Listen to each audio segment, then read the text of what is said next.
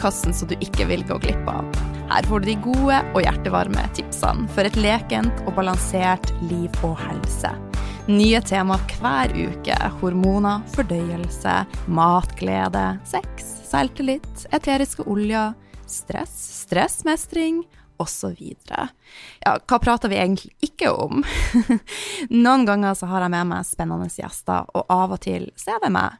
Og hvem er jeg? Jeg er Oline, jeg er næringsterapeut, yogalærer, veileder i eteriske oljer, mamma, livsnyter og har ei brennende interesse for ei naturlig helse. Jeg har vært alvorlig syk i mange år, og nå er jeg 43 år og faktisk mer vital enn noen gang. Livet, det leker lite grann. Mitt mål med denne podkasten er å vise at det er mulig å gjøre en stor forskjell med små endringer, brikke etter brikke, steg for steg. Sharing is caring, og jeg blir så glad om akkurat du tar deg tid til å legge igjen en kommentar på iTunes. Det betyr at budskapet når flere, og gjerne tips en venn, naboen, en partner. Ja, du får lov å tipse faktisk hvem du vil. Et stort smil og en smask ifra ho Line Lila Life. Velkommen til en ny episode av Et leket liv med Lila Life. Dagens gjest hun er den yngste jeg har hatt med meg, men jeg er ganske sikker på hun er av de tøffeste. Før jeg introduserer henne 100 så vil jeg lese opp ei tilbakemelding fra en av lytterne.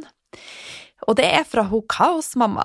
Deilig inspirerende. Se frem til hver episode. Du har fått meg så inspirert, og nå tar jeg flere og flere gode valg i hverdagen.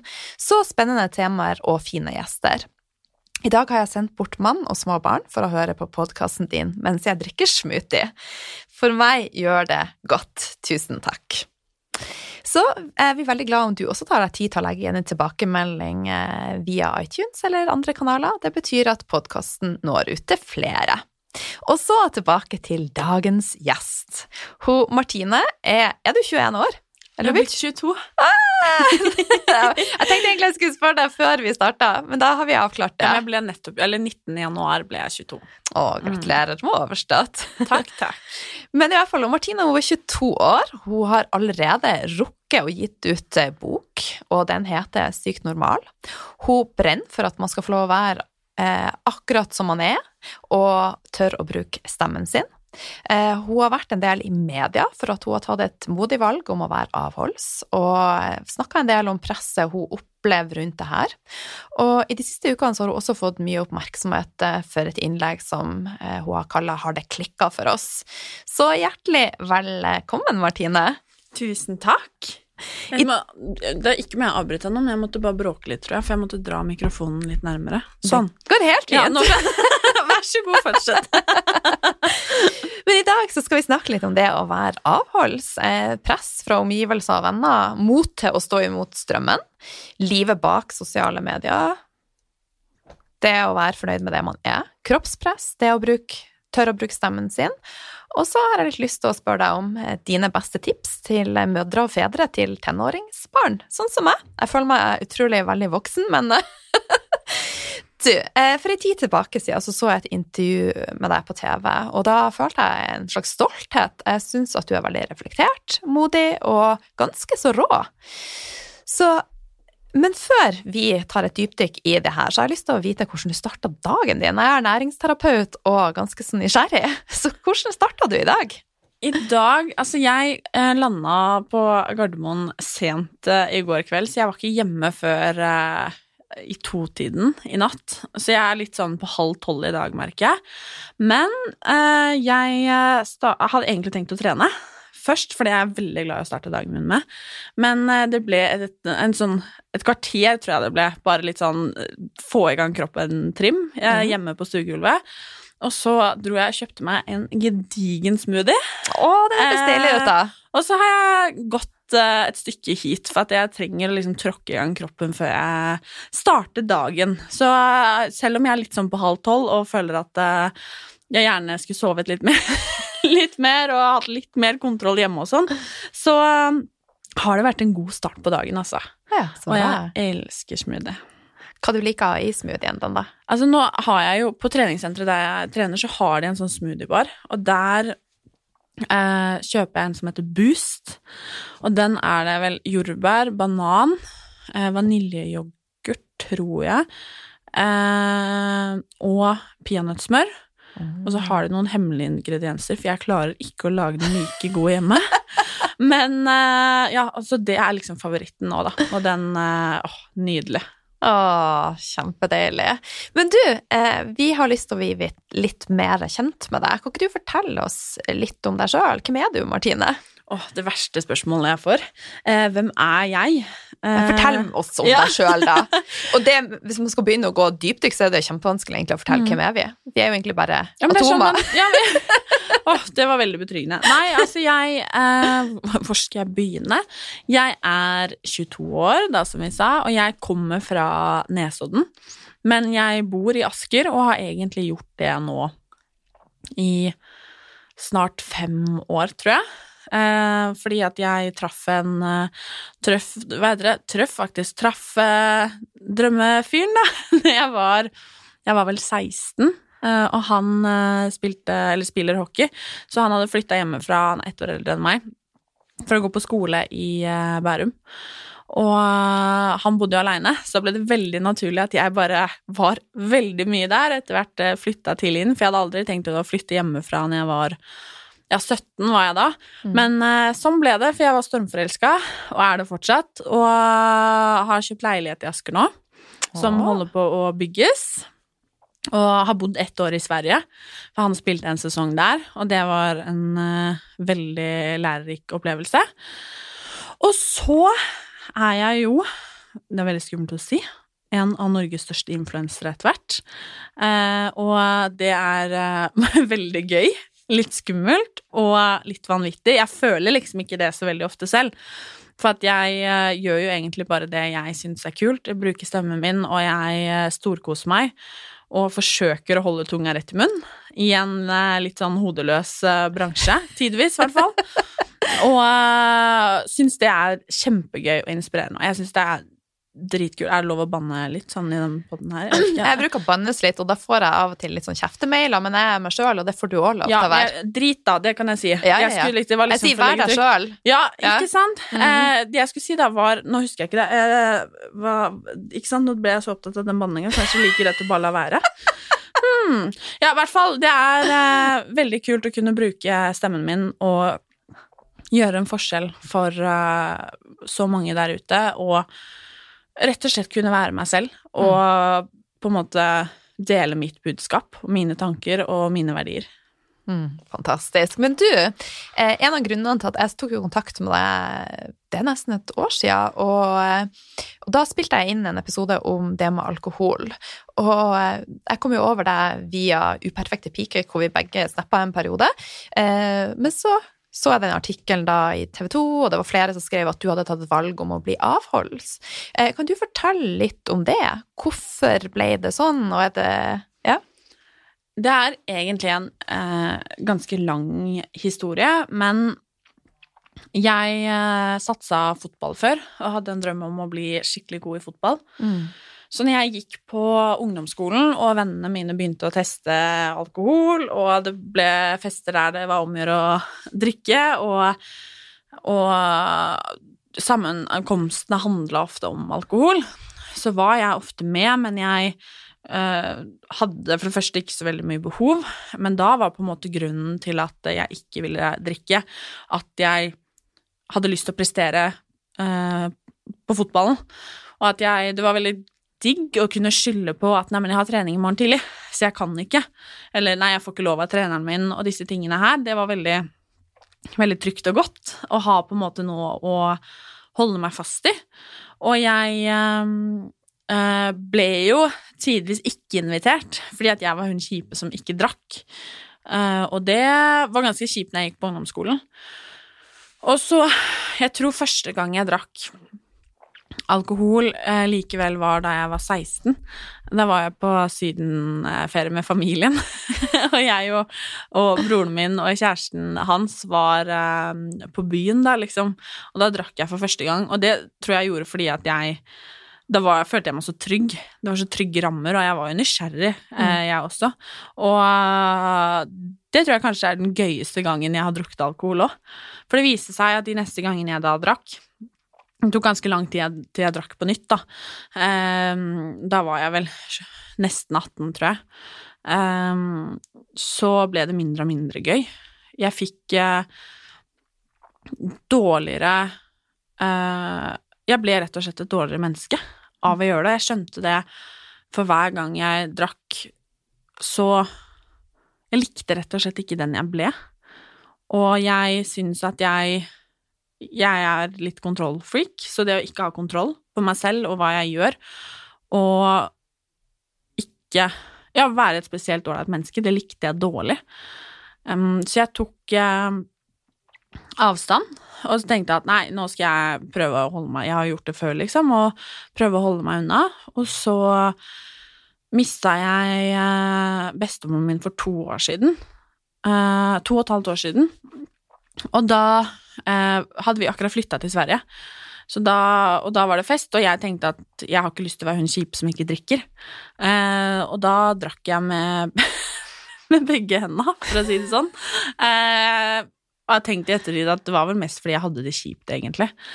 Eh, og siden da så har jeg ikke drukket, fordi at jeg ble så grusom, og jeg ble så dårlig, mm. og jeg eh, ble veldig skremt av at eller jeg, da skjønte jeg at jeg ikke har Hva skal man si gener til å stoppe. Fordi jeg eh, stopper ikke å drikke når jeg først har begynt. Mm. Og eh, når jeg først har begynt, så tenker jeg at det, det er greit å drikke ikke bare ett glass, men en flaske eller to alene på når det ikke er fest også. Og det er en følelse som jeg Det liker jeg ikke. Så jeg har rett og slett bestemt meg for at eh, jeg er både et bedre menneske og har mer kontroll og trives bedre når jeg ikke drikker alkohol i det hele tatt. Hmm. Et veldig voksent valg, da. Ja, og det har jo tatt tid, og jeg har jo på en måte kalt meg, eller sagt at jeg ikke drikker alkohol i ganske mange år nå, og nå har jeg jo ikke drukket alkohol på ja, hva blir det? Ja, det begynner å bli en del år nå. Ja. Eh, men det var jo sånn at jeg gikk et halvt år uten at jeg drakk. Og så kom det en situasjon der, der jeg hadde lyst, ikke sant, fordi alle andre 'Å, herregud, gleder meg til festen i kveld', ikke sant, skal drikke, durt, durt, durt. Men for meg så handla det ikke om festen, egentlig. Det ble liksom alkoholen, og det Jeg har mye alkoholisme i familien. Og mye avhengighet. Og jeg uh, husker veldig godt når jeg hadde vært på en fest, og kjæresten min uh, Han likte ikke så veldig godt hvordan jeg ble. Og jeg husker så godt når han sa til meg at uh, Men Martine, jeg kjenner deg ikke igjen. Altså, hvem er du, liksom? Hva, hva holder du på med? Mm. Uh, og jeg husker da at jeg klikka i vinkel på han, for at han liksom ikke syntes det var greit at jeg koste meg, at jeg drakk. Uh, og jeg drakk som sagt ikke litt i de periodene jeg da drakk, og tenkte at det var greit. Um, så det var rett og slett uh, det som var grunnen. At jeg ikke likte uh, Først syns jeg ikke alkohol er godt. jeg tror det er ganske mange der ute som egentlig ikke syns det, men som allikevel drikker. Og jeg skulle gjerne vært en som uh, kunne ta meg et glass vin, for jeg syns det virker veldig staselig, egentlig. Veldig sånn hyggelig å kunne ta seg et glass vin og kose seg, liksom. Men for min del så uh, syns jeg ikke det er godt, og jeg trives ikke, og jeg stopper ikke. Så da ble det et enkelt valg å si at uh, jeg er rett og slett et bedre menneske uten. Ja. Da jeg begynte å uh, altså jeg drikke litt kombucha, og jeg begynte å ta det i vinglass og skåla med det, så det funka like godt. Ja. og det smaker i hvert fall for meg bedre enn vin, så mm. Mm. Ja, ikke sant? Men du, det å være den ene som ikke drikker, det innebærer ofte mye mas, og du eh, så på TV 2 at du hadde en litt kontroversiell måte å få dette maset til å stoppe. Kan ikke du mhm. fortelle? jeg har jo siden jeg egentlig da Altså, når jeg var fem, ja, 14-15, når de andre rundt meg begynte å drikke. Eller ikke alle andre, men når folk rundt meg begynte å liksom teste alkohol og, og drikke, så har jeg jo alltid brukt mye unnskyldninger. Og det var som jeg sa, at eh, på et tidspunkt så kunne jeg ikke liksom skylde på treneren min lenger, liksom. Det var litt, kanskje en litt sånn barnlig unnskyldning. For min del, i hvert fall. Eh, og så skjønte jeg fort at eh, det funker ikke å skylde på at eh, jeg eh, kan ikke drikke fordi jeg kjører, for det er noen som vil spandere taxi på meg. Eh, Eller nei, men det går bra, du kan jo ta i hvert fall ett glass, fordi at det er jo så mange timer til. Mm. Jeg kunne ikke skylde på at jeg for eksempel gikk på antibiotika eller penicillin eller noe sånt. Fordi at der var det mange som hadde drukket seg dritings mange ganger mens de gikk på det. Og det hadde gått helt fint, så det var jo null stress. Og spørsmålene som Altså om jeg eh, var gravid, om, eh, var, om det var en religiøs overbevisning Altså, det, det har vært så mange spørsmål, da. Fra folk som liksom har lurt på hvorfor i alle dager drikker jeg ikke alkohol. Eh, og det er litt sånn som jeg har lurt på, altså spør jeg deg hvorfor du drikker, liksom? Nei, det gjør jeg ikke. Så hvorfor spør du meg hvorfor jeg ikke drikker? Og eh, jeg har jo Altså, de som har lyst til å drikke rundt meg, vær så god, feel free, liksom, så lenge jeg slipper. Og eh, på et tidspunkt så ble jeg veldig lei, og jeg har mista et, eh, et nært familiemedlem eh, til alkoholen. Og jeg, eh, som jeg sa litt også, så har jeg vært litt skremt for at jeg kjente meg igjen i mange av de følelsene og avhengigheten som har vært. Nå har aldri jeg vært avhengig av alkohol, det er viktig å si, men da ble det Altså, når jeg også slutta å drikke, så bestemte jeg meg for at eh, Eller jeg vet hvordan det er liksom å sette seg opp i fanget på en man er veldig glad i, og så for å ta en klem, og så stinker den klemmen alkohol. Eller å banke på en dør, eller banke på døra og ikke få komme inn fordi at personen bak døra på en måte er dritings, liksom. Og jeg bestemte meg da for at jeg ikke vil at noen som er glad i meg, skal trenge å oppleve det samme. Og eh, like etter at jeg mista, mista denne personen, så eh, var jeg egentlig så fed up. Jeg var så lei av disse spørsmålene. Og så kan folk si at nei, men det er ikke så mange som lurer, da. Men jo, det er faktisk det. Og ikke når folk ikke drikker, men når folk drikker, da, da er de på høyet, altså. Så en gang så etter jeg på en måte nei, jeg er ikke keen, nei, jeg har ikke lyst på, nei, det frister ikke i dag, så sa jeg, jeg husker det så godt, for jeg sa det var en fyr som masa, og han kjøpte drinker til meg selv om jeg sa nei, at jeg bare så han rett inn i øynene og sa, men er det ikke på tide at du hører nå, liksom? Og så sa han bare, ja, men kom igjen, da, ikke vær hun kjip, liksom. Så sa jeg bare rett ut at, vet du hva, jeg er alkoholiker, kan du slutte? Og Bra, Martine. Ja. og da sa han ikke noe mer. Uh, og den unnskyldningen har jeg brukt uh, flere ganger siden, og eh, henne jeg gjør det fortsatt. Eh, men nå er jeg på en måte så trygg i det valget også, at jeg er litt sånn Hvis folk Altså da At jeg konfronterer de på andre måter, liksom. Men jeg har, eh, jeg har skyld på det, og ikke fordi at det, det er noe jeg tar lett på, for å si det sånn.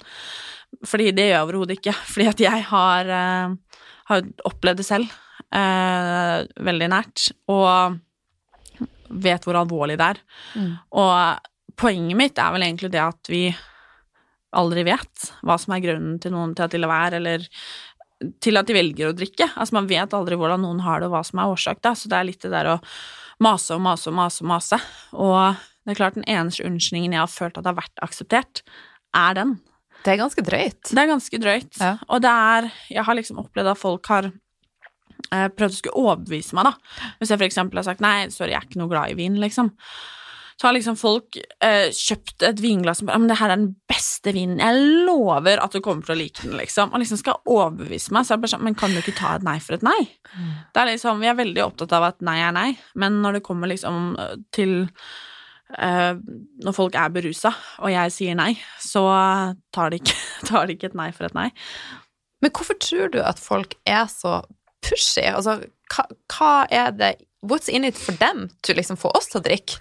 Jeg tror at det handler litt om den der at hvordan i alle dager kan du ha det gøy når du ikke drikker? Og jeg har selv en eh, veldig god venninne som eh, er helt ærlig på det, at når hun eh, drikker, så blir hun sånn Ja, men kom igjen, da. Ikke sant?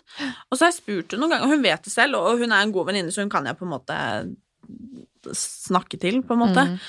Eh, Men hun har ikke noe godt svar. Men jeg, jeg tror det ligger litt i det der at eh, for det første så får jeg med meg alt, ikke sant. At de kanskje er litt redde for at eh, de De føler at jeg kanskje er mer sånn forstyrrende, liksom. Men jeg opplever jo også at mange mener at liksom Litt den der at du kan ikke ha det gøy uten alkohol, eller at det er så fantastisk med alkohol, så du må bare prøve. Mm. Um, det har liksom jeg aldri skjønt med eksempel det å snuse, da. Jeg er sammen med en som snuser eh, mye, liksom, og det er Jeg har aldri skjønt det der å teste for å liksom bli avhengig. Skjønner du? Ja, altså, snus er jo seg sjøl dritstygt, så man må jo det du skal frem til, er jo at man må jo gjøre det flere ganger for Ja. å så begynne å like det. Ofte så of, Ja, men det er litt Jeg har aldri skjønt det, og no offense, liksom, men Ja. Ofte så blir man jo veldig dårlig. Ja. Mange kaster jo opp. Jeg har snusa én gang, og da kasta jeg opp. Ja, det er, eh, og, og det er sånn Hvorfor da prøver man igjen? Ja. Og igjen og igjen for å liksom bli avhengig av noe man ikke Noe man vet ikke er bra. Mm. Eh, nei, det har jeg aldri skjønt. Jeg ikke jeg heller, så det veier som sagt med den ene gangen, og da var jeg 18 år, og det begynner å bli noen år siden. Ja, det er noe med det. Men det er eh, Nei, jeg vet ikke hvorfor folk er er så pushy, og jeg tror ikke at noen mener noe vondt med det. Nei. Det er viktig å si. Jeg tror ikke noen gjør det for å være ekle eller slemme, Nei. eh, selv om det er dødsirriterende. Men det er også en av grunnene til at jeg har lyst til å prate om det. For å minne kanskje folk på at Litt som jeg sa, jeg spør ikke deg hvorfor du drikker, så la være å spørre meg hvorfor jeg ikke drikker. Mm. Ikke sant? Og det er jo litt ironisk at det er mer akseptert å drikke enn å ikke drikke.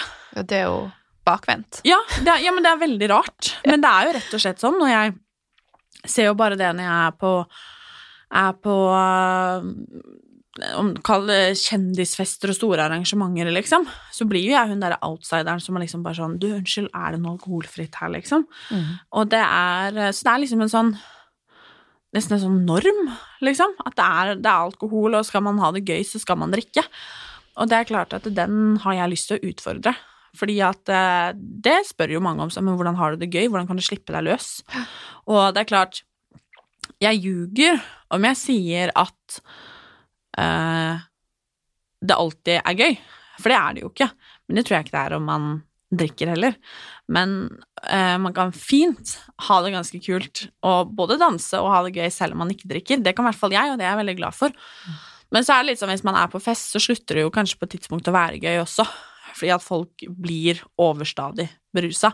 Og det er klart, når folk ligger og spyr og tisser på bygninger og oppfører seg så flaut det bare går an å gjøre, liksom, så er det ikke så kult for meg som er med mine fulle fem, eh, kanskje høy på livet, liksom, eh, å være vitne til det og stå i det. Eh, men da drar jeg gjerne hjem. Og det som er kult, er at jeg våkner opp fin og frisk dagen etterpå, og så kan jeg le litt av de som våkner opp eh, og får en dårlig dag, liksom. Det er en av fordelene med å ikke drikke, men hva vil du si er de andre fordelene? Hva kjenner du på? Jeg syns det er så luksus å kunne sette meg i bilen og kjøre hjem når jeg er ferdig. For jeg er ikke sånn Folk tror kanskje at jeg er supersosial, men det er jeg ikke i det hele tatt. Jeg er ganske introvert, faktisk. Og jeg får Altså, det høres ut som jeg fester ganske mye, egentlig, når jeg sitter og prater her, men jeg er ganske dårlig til å feste, egentlig. sånn generelt, uh, uavhengig om jeg drikker eller ei. Men jeg uh, syns det er så digg å kunne sette meg i bilen og kjøre. Og våkne opp dagen etterpå og kunne stå opp og trene, eller være liksom Være frisk, da. For Mm. man velger jo egentlig å gjøre seg selv sjuk når man liksom Herregud, man jo- velger jo ikke det når man tar seg noen glass vin, det er ikke det jeg mener, men sånn jeg drakk, da. Jeg Men ofte i Norge så er det jo sånn vi, vi det er enten eller eller, ja. nesten. Mm. Eh, og eh, den gangen jeg drakk etter, eh, etter bestemor døde, så var jeg Det var på en lørdag, og jeg var dårlig fram til torsdag. Men det er jo ikke verdt det. Eh, er du gæren, eller? Jeg var, jeg, var, jeg var så dårlig. Ja. Um, og jeg tror nok det kanskje hadde en sammenheng med at jeg ikke hadde det spesielt bra heller. Mm. Men uh, uansett så var jeg litt sånn At man vel Var det verdt det, liksom? Og så var jeg sånn Nei, det er jo ikke det. Og jeg sier ikke at folk ikke kan ta seg en fest, og jeg blåser i hva alle andre gjør. Igjen, så lenge jeg slipper. Og det er jo litt Det er jo det jeg egentlig bare ønsker. At folk bare skal liksom være kule på det og la folk gjøre som de vil. Mm. Og et annet perspektiv er jo det med økonomi. Du sparer penger, som du sier, på taxi. Yes. Du sparer penger på penger som sier penger, penger, penger. Mange bruker jo et hav av penger ute. Jeg syns jo det er litt eh, Herregud, nå høres det sikkert ut som en dødskjip. jeg er ikke perfekt, for å si det sånn. Jeg bruker pengene mine på mye annet tull, selv om jeg prøver å ikke gjøre det. Så ehm, altså Hører jo ofte studenter, for eksempel, eh, klage over at de har så dårlig råd. At liksom Nei, fy fader, jeg har ikke noe penger, og jeg har ikke råd til å være med ut og spise middag, for eksempel, eller jeg har ikke råd til å gi eh, bursdagsgave til en venninne. Altså sånn ting man gjerne kanskje skulle hatt penger til, da. Eh, men så er de på fylla torsdag, fredag, lørdag. Og da er jeg litt sånn Hm. Tror det heter prioriteringer. jeg tror det, hvis jeg, hvis jeg har forstått det rett. Um, og igjen, jeg også si hva folk bruker pengene sine på, men ikke kom her og si at du har dårlig råd. Hvis du har råd til å være på fest eh, og Fordi det er dyrt, altså. Ja. Det er svindyrt, og jeg har ironisk nok aldri kjøpt min egen drink uh, på byen. Eh, vet ikke om det er noe å skryte av, egentlig, men Men uansett, ja, det, er, det er svindyrt. Ja, det er det. Og liksom, det går fort en tusenlapp her og der, altså. Mm. Og igjen, da mener jeg ikke at du kan klage på at du har dårlig råd, og det mener jeg også hvis man liksom klager på at man har skikkelig dårlig råd, hvis man f.eks. snuser og røyker, eller har noen andre laster som på en måte er hva heter det, selvvalgt, da, Mm. så er det litt sånn Da tror jeg kanskje at jeg i hvert fall hadde prøvd å trappe ned. Ja. Og liksom tatt litt uh, Igjen, da, jeg tror det heter prioriteringer, ikke dårlig råd, liksom. Uh, sikkert noen som blir kjempeirriterte for at jeg mener det, men uh, det er de meninger, da har du lov til å ha. ja, altså, men så er det kanskje fordi det treffer en nerve, da. Ja. Og det er sånn, jeg vet at når jeg Apropos smoothie, liksom. Det er sånn, Jeg kan unnskylde det for meg selv. Fordi at uh, i dag kjøpte jeg en stor smoothie. Den også er svindyr. Eh, koster 80 kroner. Eh, og i dag eh, Altså, da skylder jeg liksom Eller forklarer på en måte overfor meg selv at nei, men jeg drikker ikke, jeg snuser ikke, jeg drikker heller ikke kaffe. Herregud, så kjedelig jeg er, liksom. Men At jeg da liksom forklarer Nei, men da kan jeg jo gå og kjøpe meg en smoothie iblant, liksom. Eh, og igjen, altså Det er en prioritering jeg tar, da. Men skulle jeg gått og liksom kjøpt smoothie hver dag da, og nå skal ikke jeg dra dette mattestykket, liksom, 80 ganger 7 ganger 4, eh, men eh, det er klart, det blir noen hundrelapper, da. Jeg har jo hatt sånn. med Lise fra Pengesnakk, og Ja. eh, hun har gjort det regnestykket for oss. Hun har sikkert sagt Martine, det der må du kutte ut. Men hun er jo også veldig opptatt av dette her. Det jeg har tatt veldig til meg, dette her med hva som gjør deg lykkelig. Å bruke penger på liksom For meg, da, så blir jeg glad når jeg går og kjøper meg den smoothien. Og da skal du gjøre det. Ja, men? Men da kan jeg droppe å kjøpe noe annet som ikke gjør meg glad.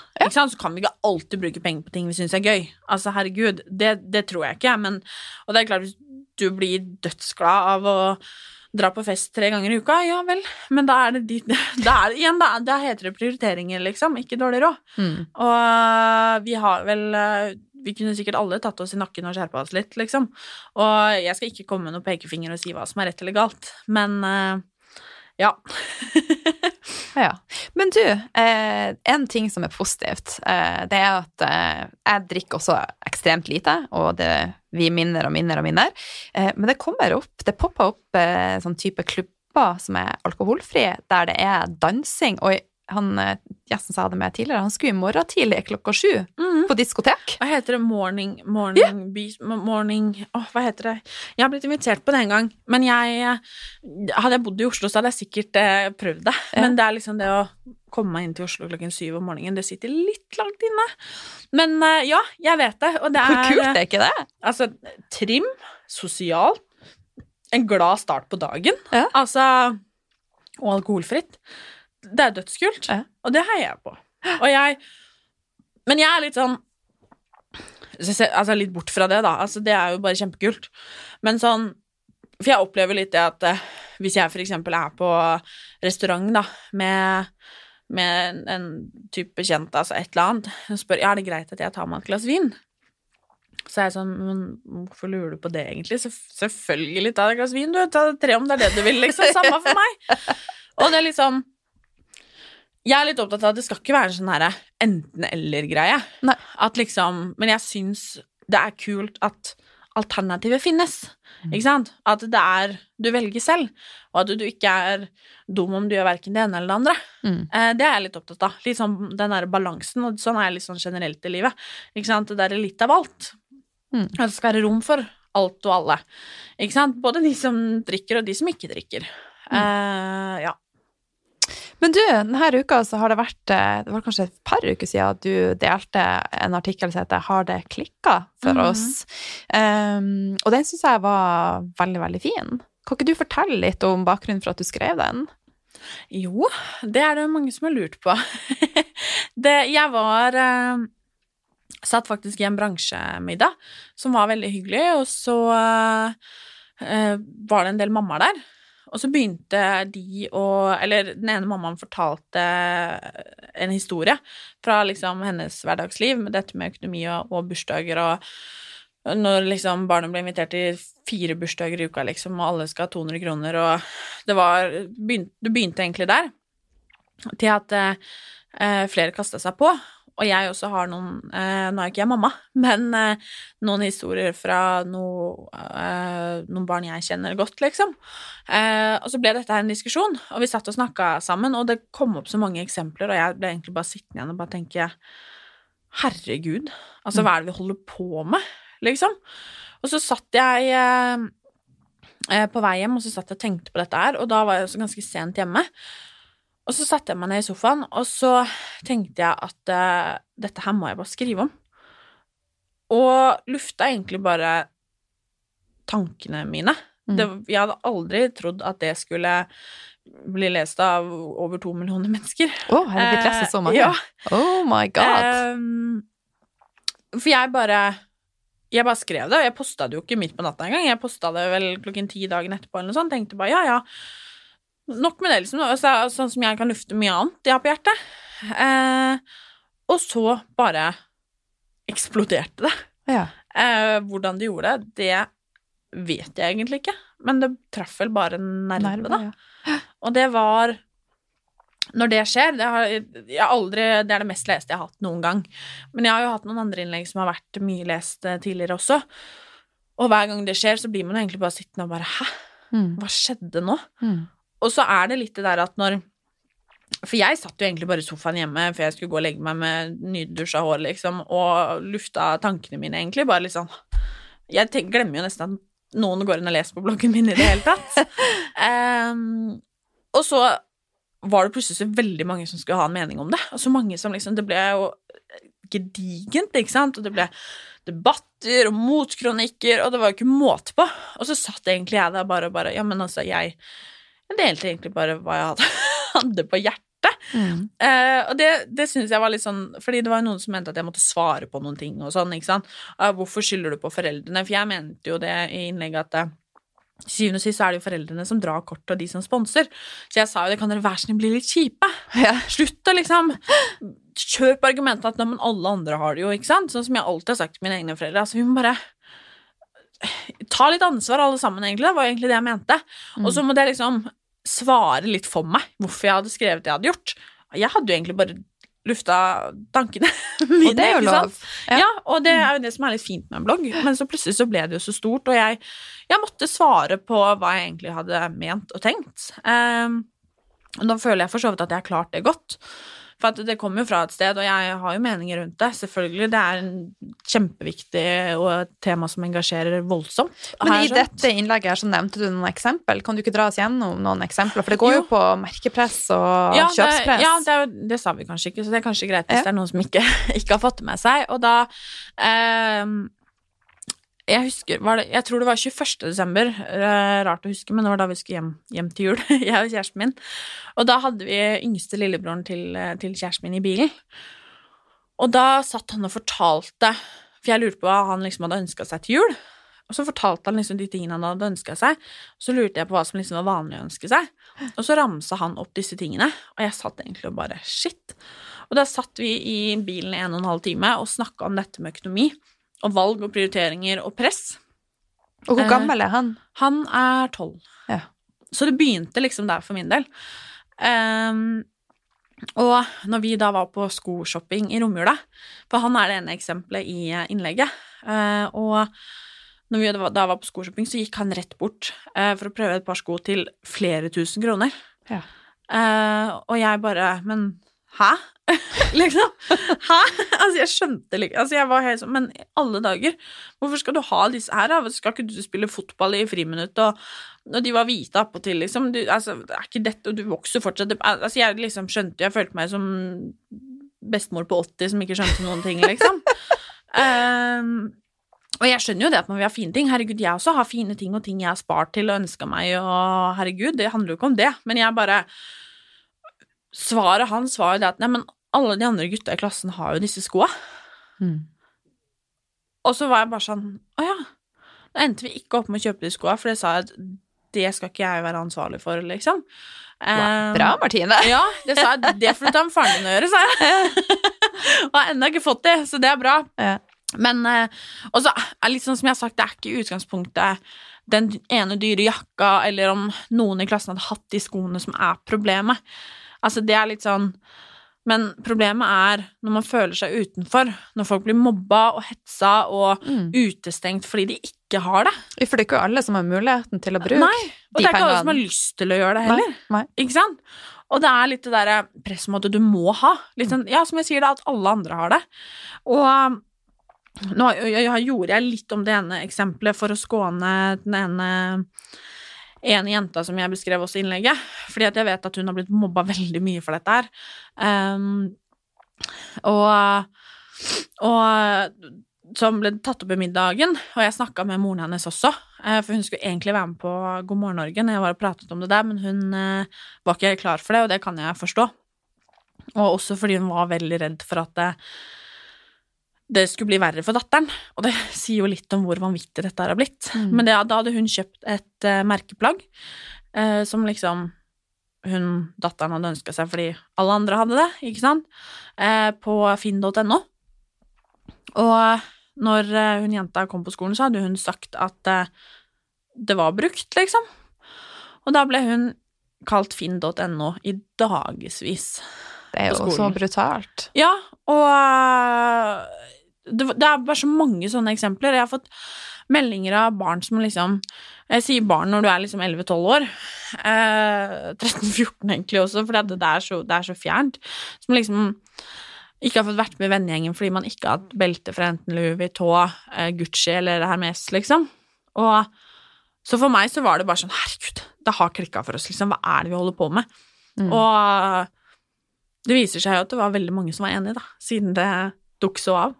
Ja, altså Hvis jeg har nådd to millioner, så er det jo helt vilt. Ja, hvis Ja. man tenker at eh, eh, Dagsrevyen, God morgen Norge, Mm. masse kronikker i VG ble det jo, eh, så har det nådd ganske mange millioner mennesker, og det er for det første vanvittig kult at jeg har mulighet til å bli hørt på den måten, men så er det litt skummelt også.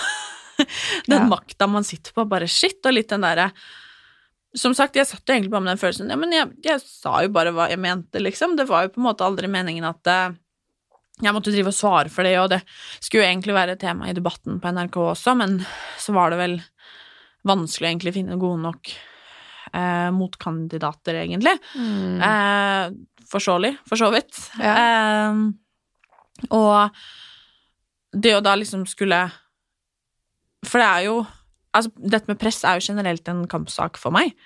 Og da, men som sagt, det å da liksom skulle måtte forsvare det og liksom verne om meningen min, var liksom Det var aldri tanken, men som sagt, veldig kult, og det er ganske heftig og litt skummelt å vite at man kan nå ut til så mange. Mm. Men hva tenker du er dine beste tips da til oss som har eh, barn i den alderen i forhold til dette presset?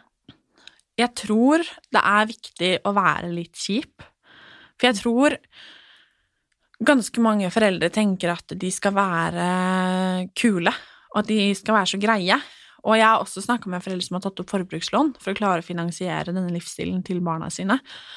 Og det syns jeg er ganske hårreisende og trist.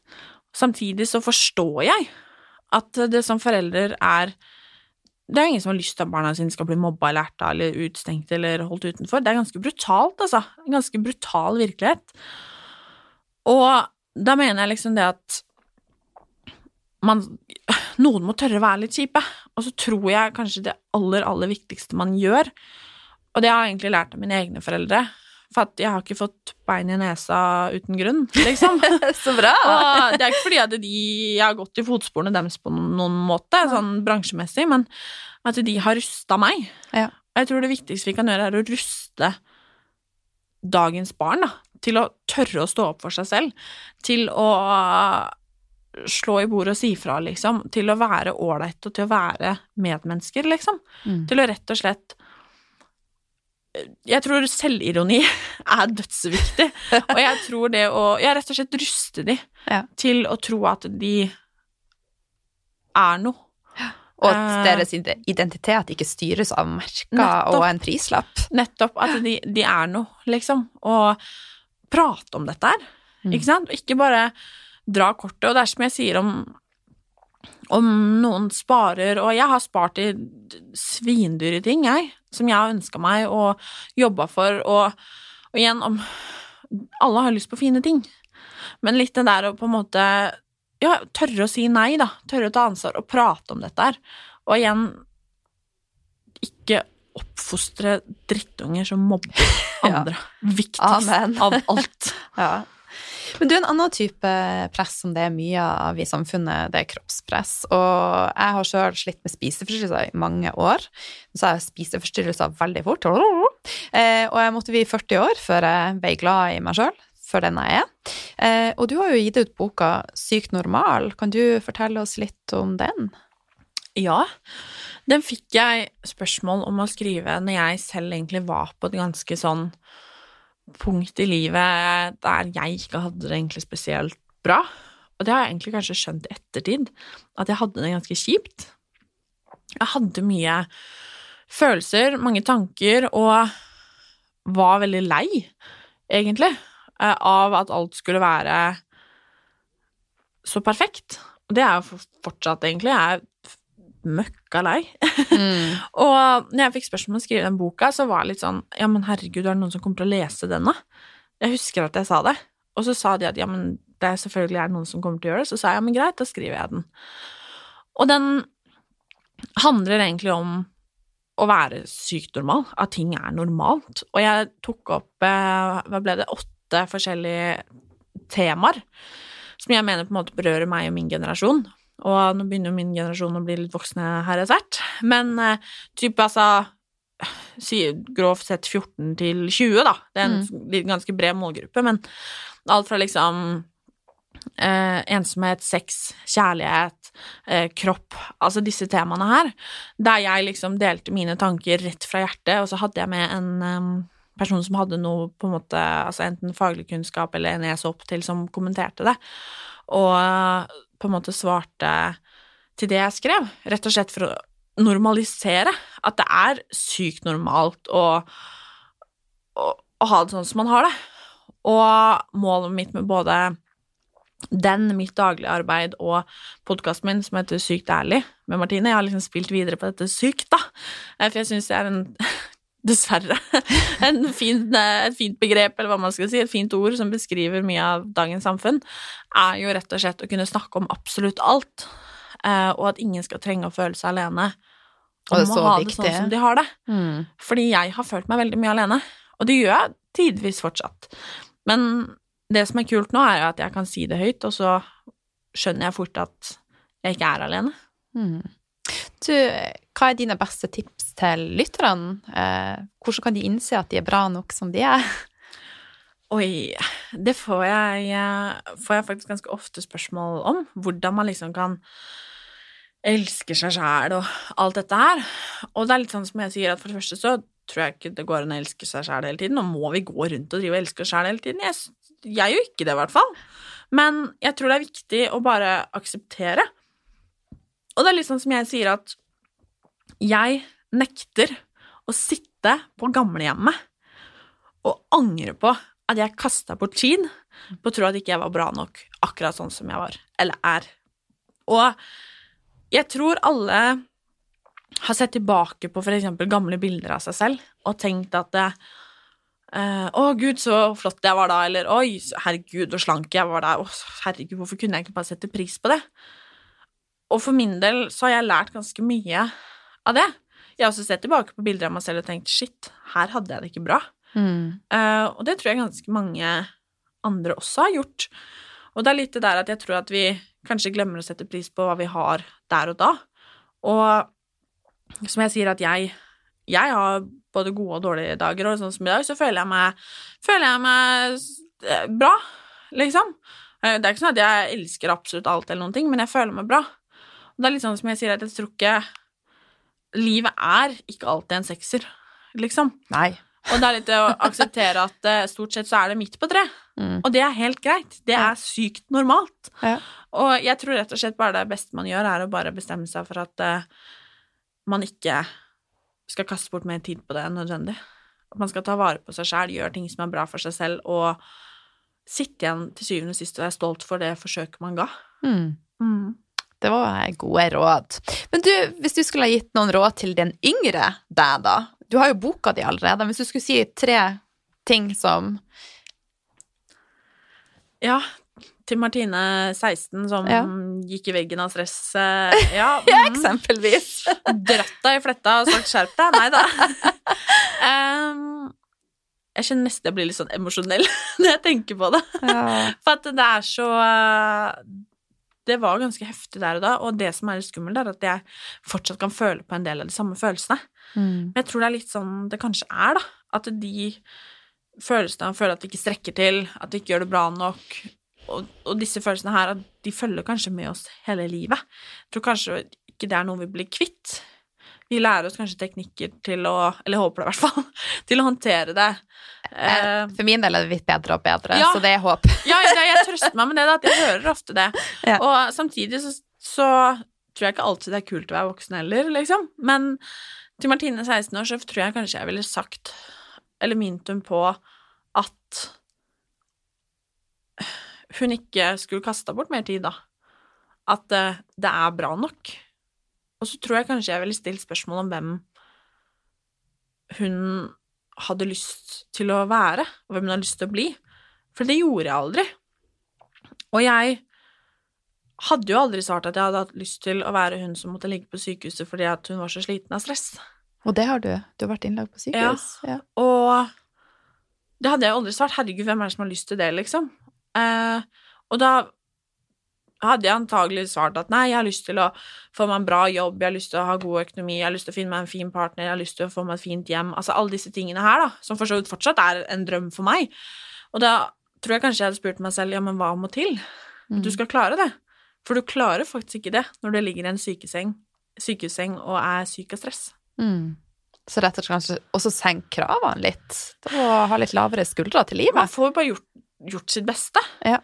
Og det er litt sånn Vi er jo veldig opptatt av det der at når man er bra nok sånn som man er, men så har jeg tenkt litt på det siste Nei, men vet du, av og til så strekker man ikke til. Og det er helt greit. Mm. Litt det der at jeg, jeg liker å tenke sånn at For jeg tror veldig mange av oss er redd for å liksom være mislykka. Og feile, da. Men jeg, man er jo ikke mislykka før man gir opp. Fordi det, det å feile det, Jeg driter meg ut hele tiden, jeg. Og- Hvem gjør ikke det? ja, men altså sånn Og jeg tror jeg har, Noe sier meg at jeg kommer til å fortsette med det, og feile og ta feil valg og, og bomme både her og der, liksom. Men det er litt sånn Skal i hvert fall ikke gi opp, da. Nei. Fordi at man er jo ikke mislykka før man har gitt opp. Tenker jeg, da. Mm. Og så er det det å huske på det da på de dårlige dagene. Men jeg prøver. Mm. Men du, du er jo eh, veldig aktiv i sosiale medier, du blogger. Hva er det som driver deg? Altså, hva, når du satte deg ned og skrev det her, hva er det som gjør at du bare Åh, dette Godt spørsmål, men jeg tror Jeg har alltid hatt, og det vet jeg det er flere som har, et sånn lite motto om at det, hvis jeg kan gjøre forskjell for én, så er det så sykt verdt det. Og jeg vet at jeg har gjort forskjell for ganske mange flere enn én. Mm. Og det er ganske heftig. Og igjen litt skummelt. Men jeg bare har en sånn indre drive om at verden blir i hvert fall ikke noe bedre sted hvis jeg sitter på rumpa og ikke gjør noen ting. Mm. Men eh, det å også være så aktiv og så eh, ja, For du deler jo på godt og vondt. Det er jo ikke Mhm. bare en dans på roser. Hvordan dealer du med negativ feedback og Da minner jeg meg sjæl på at det finnes folk som ikke liker Beyoncé også, og så går det litt bedre. Du er kul, du!